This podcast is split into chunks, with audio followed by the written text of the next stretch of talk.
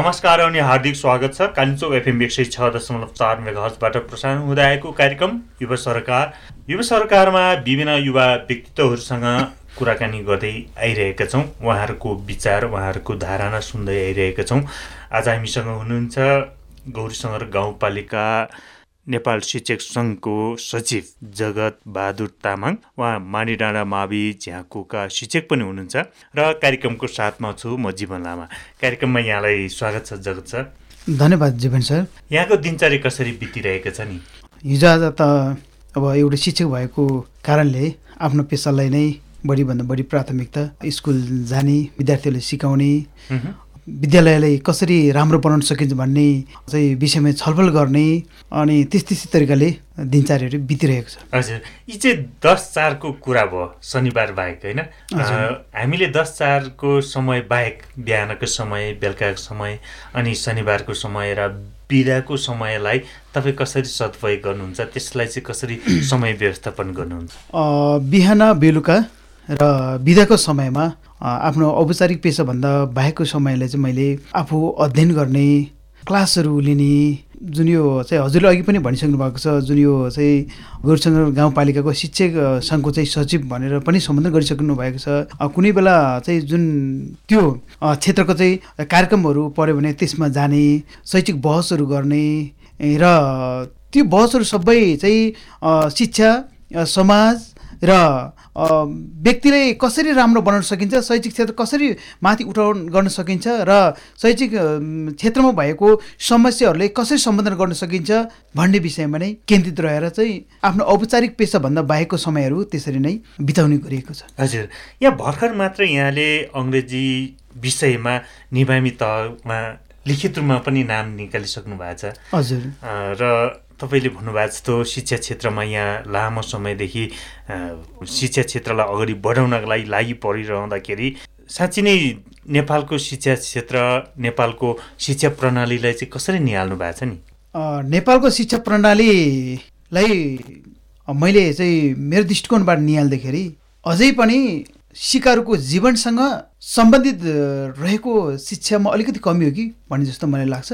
र शिक्षण पेसा आफैमा यदि चुनौतीपूर्ण छ र अवसर पनि छ जुन कलिलो बालबालिकाहरूको मनस्थितिसँग खेल्ने मनस्थितिले एउटा फ्रेमवर्कमा ढाल्ने र मनस्थितिलाई चाहिँ एउटा जीवन्तसँग कनेक्टेड गरेर अघि बढाउने कुरालाई चाहिँ अलिकति च्यालेन्ज जस्तै छ र हजुरको प्रश्नअनुसार चाहिँ नेपालको शिक्षा प्रणालीमा शुद्धिकरण गर्नको लागि साँच्चै नै शिक्षा नै रियलै शिक्षा हो भन्नको लागि नेपालको शिक्षा प्रणाली डकुमेन्ट हिसाबमा त राम्रो छ।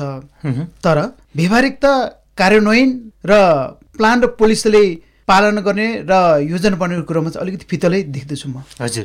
जस्तो अब तपाईँ पालिकाको एउटा शिक्षक सङ्घको चाहिँ सचिवको नाताले र तपाईँले भन्नुभएको जस्तो शिक्षाको सुधार ल्याउनलाई शैक्षिक गुणस्तर ल्याउनका लागि चाहिँ बहस छलफल अन्तक्रिया चलाइरहँदाखेरि त्यस्ता खालका क्षेत्रमा समय बिताइरहँदाखेरि तपाईँ कतिको सन्तुष्टि हुनुहुन्छ कि साँच्ची नै शिक्षा क्षेत्र चाहिँ सन्तुष्टिजनक छ है उपलब्धिमूलक छ है भनेर कतिको सन्तुष्टि हुनुहुन्छ नि?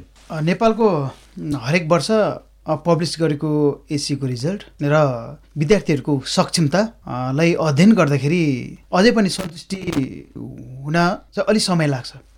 किन भन्दाखेरि त्यो सन्तुष्टि हुनको लागि जस्तै सरकारले एउटा टिचरको व्यवस्था गरेर एउटा भवन मात्र बनाएर र एउटा शिक्षकलाई व्यवस्थापन गरेर र विद्यार्थी चाहिँ विद्यालयमा आउने वातावरण मात्र बनाएर हुँदैन। त्यो वातावरणलाई कार्यान्वयन गर्ने र वातावरणलाई विद्यार्थीको चाहिँ सिक्ने परिवेशको जुन चाहिँ जीवन्तसँग चाहिँ समायोजन गर्नको लागि हरेक शैक्षिक पोलिसीहरू तालिमहरू बहसहरू छलफलहरू विद्यार्थी प्रतिभा पहिचान कार्यक्रमहरू यी हरेक कार्यक्रमहरूको अलिक आवश्यकता पनि पर्छ। शिक्षक आफैमा विषयवस्तुमा जान्ने भएर र त्यहाँनिर एउटा फर्मुलेटी पुर्याएर मात्रै शैक्षिक परिवर्तन नहुँदो रहेछ भन्ने कुरो चाहिँ मैले चाहिँ लिइरहेको छु। हजुर। तपाईँ त हिजोको दिनमा विद्यार्थी आन्दोलनमा पनि त्यति नै सक्रिय हुनुहुन्थ्यो। मलाई लाग्छ अहिले पनि शिक्षा क्षेत्रको क्षेत्रलाई अलिकति उजागर गर्नको लागि अगाडि बढाउनको लागि तपाईँले अहिले पनि विद्यार्थी जस्तै पनि बनेर पनि कहिलेकाहीँ आन्दोलन गरिरहँदाखेरि सुधार आउन नसकेको अवस्था चाहिँ हो है नेपालको शैक्षिक क्षेत्र। त्यो त एकदमै हो सर। सुधार आउन सकेको छैन। त्यो सुधार आउनको लागि चाहिँ नेपालको विभिन्न तह तब्कामा भएको शिक्षासँग सम्बन्धित जुन यो सङ्घ संस्थाहरू छ उनीहरूले पनि चाहिँ एउटै भोइस चाहिँ बोल्नु पऱ्यो होइन? कतिपय अवस्थामा यो देखिन्छ कि त्यो चाहिँ त्यो संस्थामा काम गर्ने र अवसर मात्र लिने तर सिङ्गो संस्था चाहिँ त्यो कायापलट हुनुपर्ने तर त्यो त्यसको जुन यो चाहिँ छेउसम्म पनि नपुगेको हामीले चाहिँ आवाज गरिरहेको छौँ। होइन? किन भन्दाखेरि व्यक्तिवादी होइन? व्यक्ति मात्रै अब बढ्ने व्यक्तिको मात्रै त्यहाँ प्लेटफर्म हुने तर संस्थाको प्लेटफर्म चाहिँ त्यहाँनिर कमजोर भएर गएको मैले देखिएको छु। हजुर। अब हामी अलिकति थोरै समय युवासँग सम्बन्धित केही कुराहरू पनि अगाडि बढाउँ जगत छ। जस्तो अहिले युवाहरू बेरोजगारको नाममा अथवा युवाहरूले चाहिँ आफू आफ्नै खुट्टामा उभिन सक्ने अवस्था पनि छैनन्। धेरै युवाहरू चाहिँ दैनिक विदेशी रहेका छन् बेरोजगार रहेका छन्। दिनको समय कटाउन पनि युवाहरूलाई धौधौ परिरहेको अवस्था छ। तपाईँ आफूलाई चाहिँ के लाग्छ? तपाईँ आफू पनि युवा हुनुहुन्छ शिक्षा क्षेत्रमा सामाजिक क्षेत्रमा त्यति नै दौडिरह राख्नु भएको छ युवाहरूको अवस्थालाई निहाल्दाखेरि चाहिँ तपाईँ आफूलाई चाहिँ के लाग्छ? मेरो विचारमा र हरेक समय सापेक्ष अनुसार सबै देशहरूले भन्ने गर्छन् सबै संस्थानले भन्ने गर्छन् प्रत्येक व्यक्तिहरूले भन्ने गर्छन् युवा चाहिँ देशको मेरुदण्ड हो भन्छन् तर कतिपय गाउँमा समाजमा टोलमा जाँदाखेरि त्यहाँनिर युवाहरू भनेको विदेश सोधखोज गर्दाखेरि त्यहाँको युवाहरू भनेको विदेश मात्र हुने र खाडी मुलुकमा मात्र हुने र त्यहाँ गाउँमा भनेको महिला बालबालिका र ज्येष्ठ नागरिक। ज्येष्ठ नागरिक मात्र रहने अवस्था अहिले पनि छ। नेपाल कन्टेक्स्टमा छ।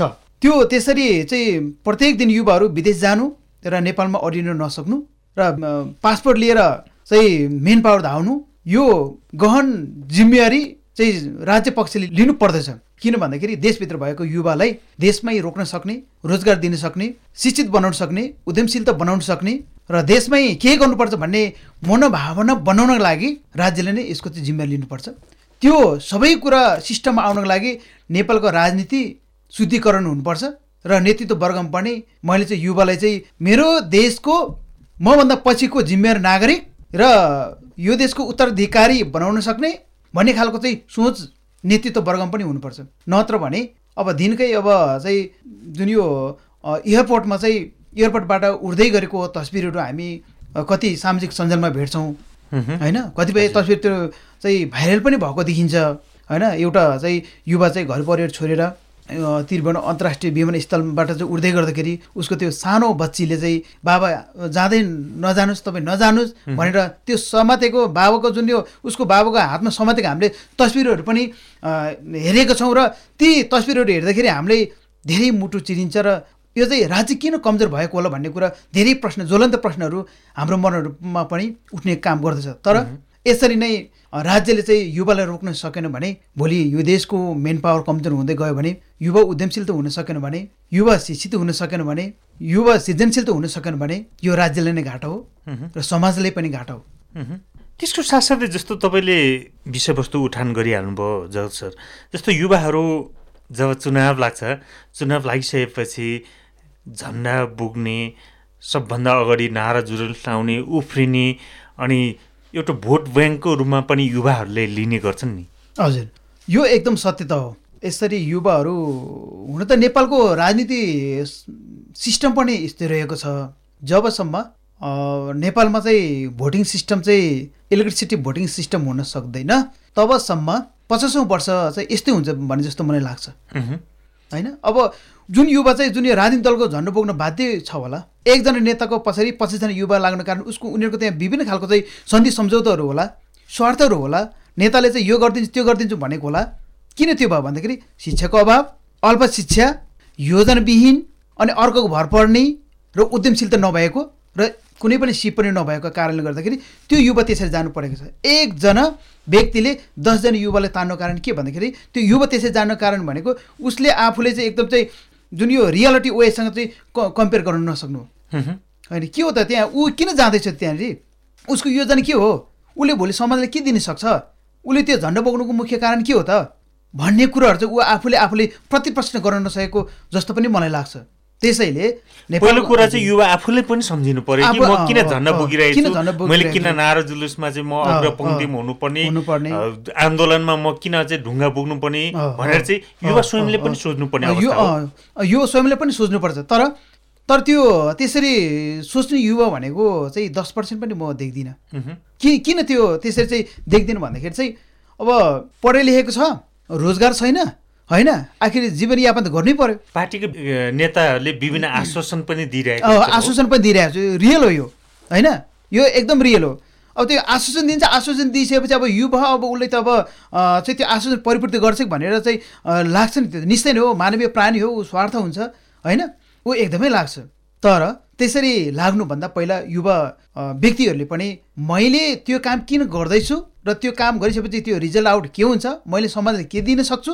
भन्ने कुराहरूमा चाहिँ ऊ एकदम जिम्मेवारी हुनुपर्छ। ऊ आफूले आफूले एकदम प्रतिप्रश्न गर्न गर्न सक्ने चाहिँ हुनुपर्छ। नत्र भने धेरै युवाहरू त्यसरी लागेको युवाहरू पनि खाडी मुलुकमा जानुपर्ने अन्तिममा युज एन्ड थ्रो मात्रै पनि गरेको देख्छु म कतिपय अवस्थामा। होइन युवाको भरपुर ऊर्जा चाहिँ प्रयोग गर्ने।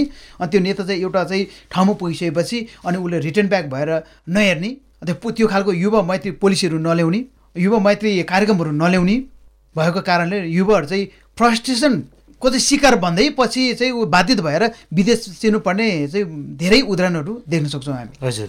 जस्तो हामीले युवासँग सम्बन्धित विभिन्न विषयमा कुराकानी गरिरहँदाखेरि युवा लक्षित कार्यक्रमहरू युवा लक्षित बजेटहरू युवा लक्षित अनुदानहरू र युवा नीति पनि बनिरहेको अवस्थामा पनि युवाहरू पछि परेका छन् युवाहरू बेरोजगार छन् युवाहरू विदेशी रहेका छन् भनेर हामी भन्नु परेको छ। किन होला त?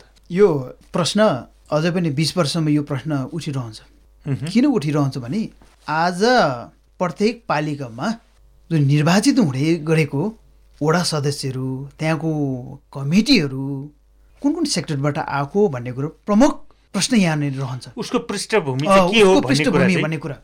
संहिताको कार्यान्वयन भन्छ। संहिताको कार्यान्वयनमा अहिले पनि हामी कतिपय अवस्था देख्न सक्छौँ। कतिपय निर्वाचित वडा सदस्यहरूले संहिता के हो र यसको चाहिँ मुख्य चाहिँ उद्देश्य के हो र मेरो जिम्मेवारी के हो भन्ने कुरो पनि थाहा छैन। भनेपछि वडा सदस्यदेखि लिएर गाउँपालिका अथवा नगरपालिकाको नेतृत्व गर्ने मेयर अध्यक्ष उपाध्यक्ष उप। मेयरसम्मको उसको पृष्ठभूमि उसको चाहिँ सामाजिक आर्थिक। शैक्षिक सांस्कृतिक क्षेत्रमा उसको योगदान उसका लगानी उसका अध्ययन चाहिँ कति छ भन्ने कुरा पनि हो कति छ भन्ने कुरोले पनि एकदम प्रभाव पार्दछ होइन? त्यसका लागि के हो भन्दाखेरि चाहिँ अब जुन यो शिक्षित युवा वर्गहरू पनि चाहिँ राजनीतिमा आउनुपर्छ है भन्ने कारण यो हो कि। भोलि त्यो व्यक्ति जुन यो चाहिँ पृष्ठभूमिबाट आएको छ त्यो शिक्षा क्षेत्रबाट शैक्षिक क्षेत्रबाट अनि यो खेलकुद क्षेत्रबाट होइन? युवाको क्षेत्रबाट आयो भने अब उसले चाहिँ त्यो खालको पोलिसी बनाउन सक्छ नि। हिजो त ऊ जुन क्षेत्रमा बसेर उसले चाहिँ योगदान गरेको छ त्यो क्षेत्रको चाहिँ नलेज त्यहाँनिर सेयर गर्न सक्छ नि उसले। भनेपछि युवाहरूलाई राजनीतिक ज्ञान पनि चाहियो। चाहियो एकदम चाहियो। यो एकदम महत्त्वपूर्ण एकदम पक्ष हो। होइन? व्यक्तिले चाहिँ कतिपय व्यक्तिले चाहिँ म राजनीति गर्दिनँ म चाहिँ अब यो राजनीति वाखत दिक्क लाग्यो भन्छ नि। यो राजनीति मलाई मन पर्दैन भन्ने कुरा भएन। राजनीति नगरे तापनि राजनीति बुझ्नु। बुझ्नु पर्यो एकदमै हो।